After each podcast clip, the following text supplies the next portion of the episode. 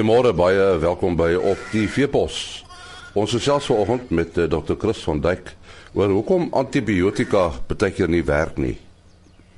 En dan met uh, Japie van der Westhuizen van Stamboek Suid-Afrika en hy uh, praat oor uh, seleksie eienskappe of mense net vir een eienskap moet selekteer of vir meer as een eienskap.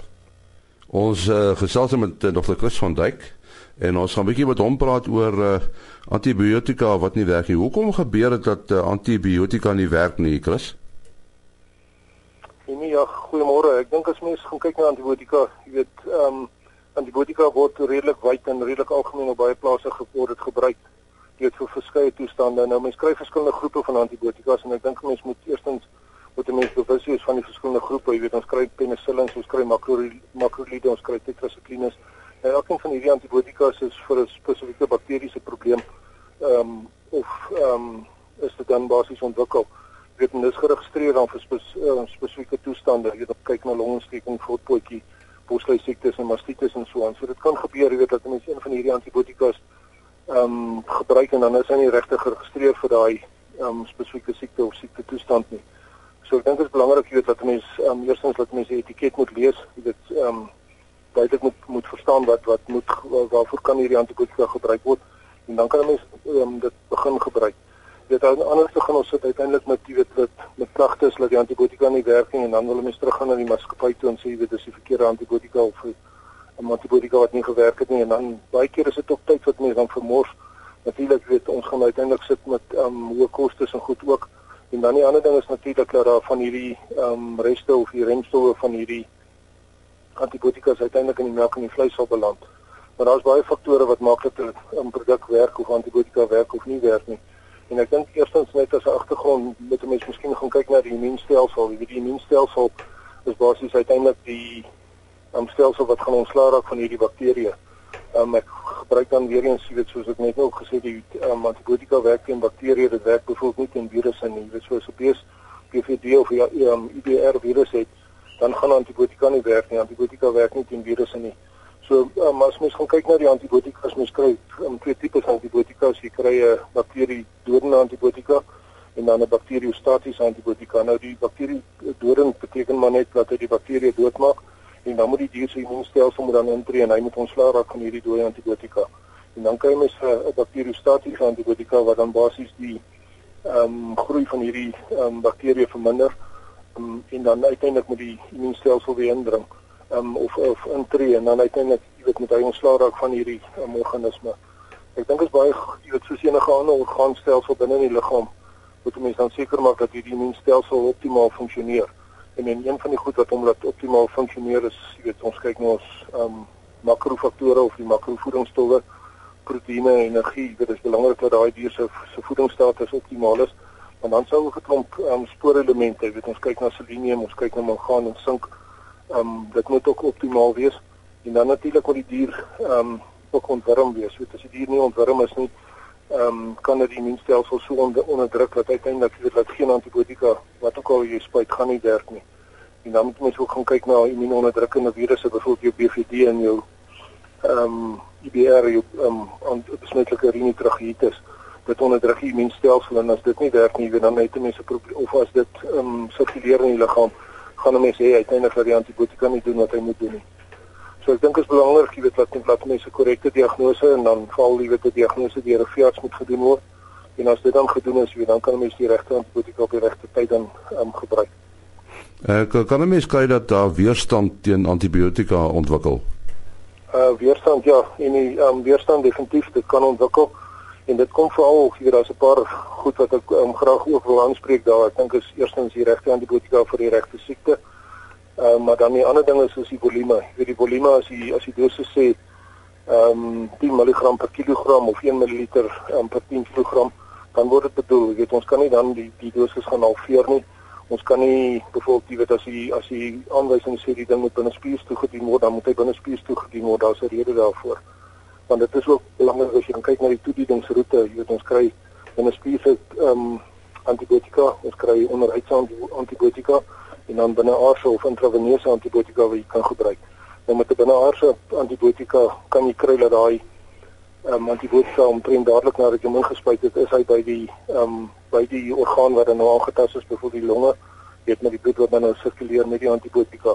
Maar as jy dan die antibiotika verkeerd gaan aanwend met die verkeerde roete en dan veral as jy dit um, onderdoseer, kan 'n mens uiteindelik kan jy baie vinnig kan jy kry, jy weet dat daar weerstand dan teen hierdie spesifieke um, antibiotika kan ontstaan.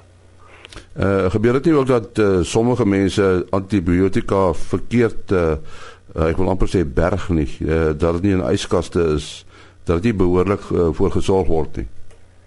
Ja, ja, dis 'n ander belangrike ding en nie as wat ek ook um, wou gesê het wat jy my nou voorgespring het met die vraag, maar ek dink as mense gaan kyk daar, jy weet antibiotika um, as dit buite op sê dit moet um, by kamertemperatuur geberg word, jy dan weet dit beteken dat dit moet onder 25 grade Celsius wees.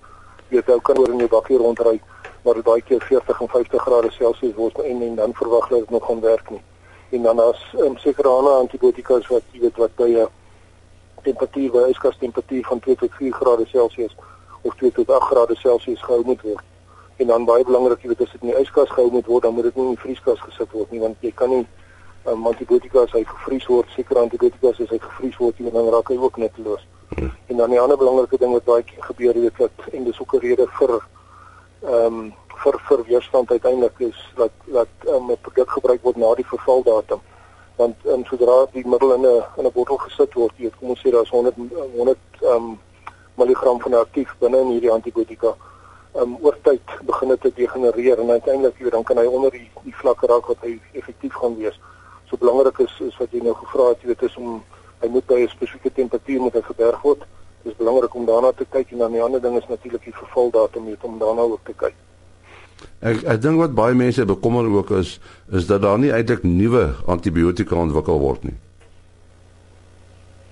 En ja, dit is so dat ons val in die dieregesondheidsmark en val in die um, as ons kyk na na mastitis of binne eierpreparate, jy weet sit ons met met 'n redelike hoeveelheid ou antibiotikas daar. Is ehm um, ons sit daar met penicillins, ons sit met streptomycin van die ouer generasie antibiotikas waar al wel alle weerstand um, ontwikkel is in teen. Maar dan is daar ook nuwe antibiotikas wat op die mark gekom het. Jy weet ons sit met um, baie moderne antibiotikas ehm um, wat 'n normale antibiotika gewoonlik jy weet vir 3 tot 5 dae moet toegedien word. Sit ons met antibiotika wat nou vir jou ehm um, hoog genoeg vlakke gee nadat dit ingespuit is om vir jou enigiets tussen 7 en 14 dae ehm um, beskerming te gee of of verwerking te gee. Jy weet in val en voerkrale met jy weet ehm um, vleisbeeste en so aan kan mens dan eenmaligheid hier inbring. Jy kan hom eenmalige inspuiting gee. Jy hoef nie elke keer in 'n dragang te sit nie. So ja, daar is 'n klompie nuwe antibiotika wat op die mark kom maar maar ons gaan eers gaan ons in 'n moeilikheid inhardop. Jy weet veral met die ouer generasie antibiotikas ehm um, sit ons al reeds met met sekere antibiotikas met 'n 20, 25, 30% um, weerstand. Jy weet ehm um, um, wat ontwikkel is wat ontwikkel het um, met met sekere bakterieë wat dan 'n weerstand ontwikkel het teen hierdie antibiotikas. Ja, ons sê baie dankie aan Dr. Chris van Dijk wat gesels het oor ja, hoekom sommige antibiotikas nie werk nie. Ons uh, gesels met Dr. Japie van die Westhuizen van SA Stamboek en ons uh, gaan 'n bietjie praat oor uh, seleksie vir beter melkwins. Nou uh, Japie as as uh, melkboere selekteer dan is een van die seleksie eienskappe waarskynlik uh, wat heel bo is is natuurlik uh, melkproduksie nê maar is dit reg dat mense net vir uh, enkele eienskappe uh, selekteer weet jy nee dis dis eintlik 'n ongelooflik belangrike vraag uh die daar's so geweldige gevaar en daar's baie bewyse dat as jy vir enkel eienskappe selekteer dat jy jouself in die moeilikheid in sal selekteer. En by melkbeeste spesifiek uh, het dit oor 'n baie lang tydperk gebeur dat dit uh, baie vereenvoudig was met ander woorde die teeldoelwitte of die seleksiedoelwitte. En daar's vir baie jare eintlik uh wêreldwyd uh net vir melkproduksie geselekteer want dit was baie eenvoudig of simplisties gesien gewees en dit het 'n klomp ander negatiewe effekte gehad. Uh uh mens kan 'n paar noem. Jy weet die die ek ek wil amper sê die houbaarheid van die koei, uh, hoe lank haar produktiewe lewe is. Dit agterweeg gelaat. Die vrugbaarheids uh gedeelte uh het agterweeg uh, gebly en so dit is 'n gevaarlike ding om om net vir enig uh, enige enkel eienskap te selekteer. So wat ander eienskappe moet 'n mens na kyk? Ja, dit is nou die ander bietjie van 'n dilemma. as jy nou as jy nou gaan selekteer vir ge geweldige lot eienskappe gelyk, dan is dit so moeilik om 'n dier te kry wat goed is in alles. Jy weet, jy gaan nie 'n dier kry wat in al daai eienskappe nou uitblink nie. So jy moet daar's altyd kompromieë rondom dit. So die die die metodiek wat wêreldwyd gebruik word is 'n sogenaamde wat ons noem 'n seleksie indeks. Met ander woorde, jy jy jy gaan identifiseer al die eienskappe wat moontlik kan bydra tot wins of verlies in die kudde, met ander woorde uitgawes of inkomste. En dan moet jy daai eienskappe probeer saamvat in 'n enkel waarde.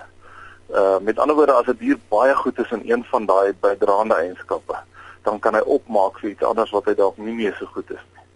Uh as dan geneties natuurlik. En uh, so met ander woorde mens gebruik dan daai seleksiewaardes uh, as jou eerste ek wil amper sê linie van rangorde van watter diere moet jy oorweeg in 'n seleksieprogram en watter watter moet jy dalk uh, uitskot. So met ander woorde uh, die eienskappe soos ek genoem het wat wins of verlies of inkomste en uitgawes bydra. Nou aan die uitgawe kant is natuurlik goed soos eiergesondheid. Met ander woorde as jy 'n dier moet behandel vir mastitis of wat ook al die geval mag wees, is dit 'n uitgawe.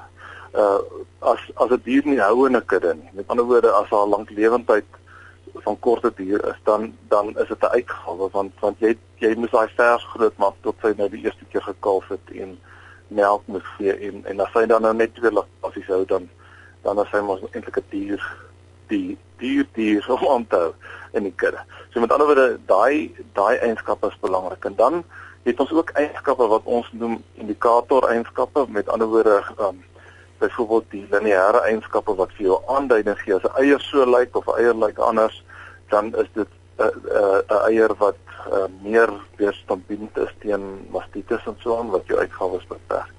Ook koei grootte byvoorbeeld, hoe groter 'n dier is, hoe hoër is die onderhoud van daai dier. En dis die gedeelte wat 'n dier vreet of koei vreet wat nie in produksie oorgaan nie. So met ander woorde, dis al uitgawe eienskappe. Die die inkomste kant is natuurlik nou melkproduksie, maar ook die vaste stowwe binne in die melk. Met ander woorde, proteïen en bottervet waarvoor die meeste betalingsstelsels in die wêreld tog 'n ander manier afhangende vir die melk gebruik word uh voorbetaal. So al hierdie eienskappe word saamgevat in 'n in 'n enkel waarde, met ander woorde produksie eienskappe wat uh, vaste stowwe insluit en dan eienskappe soos somatiese seltelling uh en 'n klompie lineêre eienskappe wat vir jou indikator eienskappe is. Uh wat dan meer aan die uitgawe kant, maar selfs ook 'n bietjie aan die inkomste kant 'n waarde bied. Ehm um, uh, jy eindig dan op met 'n genetiese waarde, genetiese morfite vir elke dier gegrond op die inkomste en uitgawes uh, soos wat jy dan bereken het vir elke dier. Uh, iets soos loopvermoë, stapvermoë. Uh, kyk as 'n ou TMR het, gaan hy nie waarskynlik uh, daarvoor selekteer nie, maar iemand wat nou uh, weiding gebaseer is sal waarskynlik meer daarvoor selekteer, né?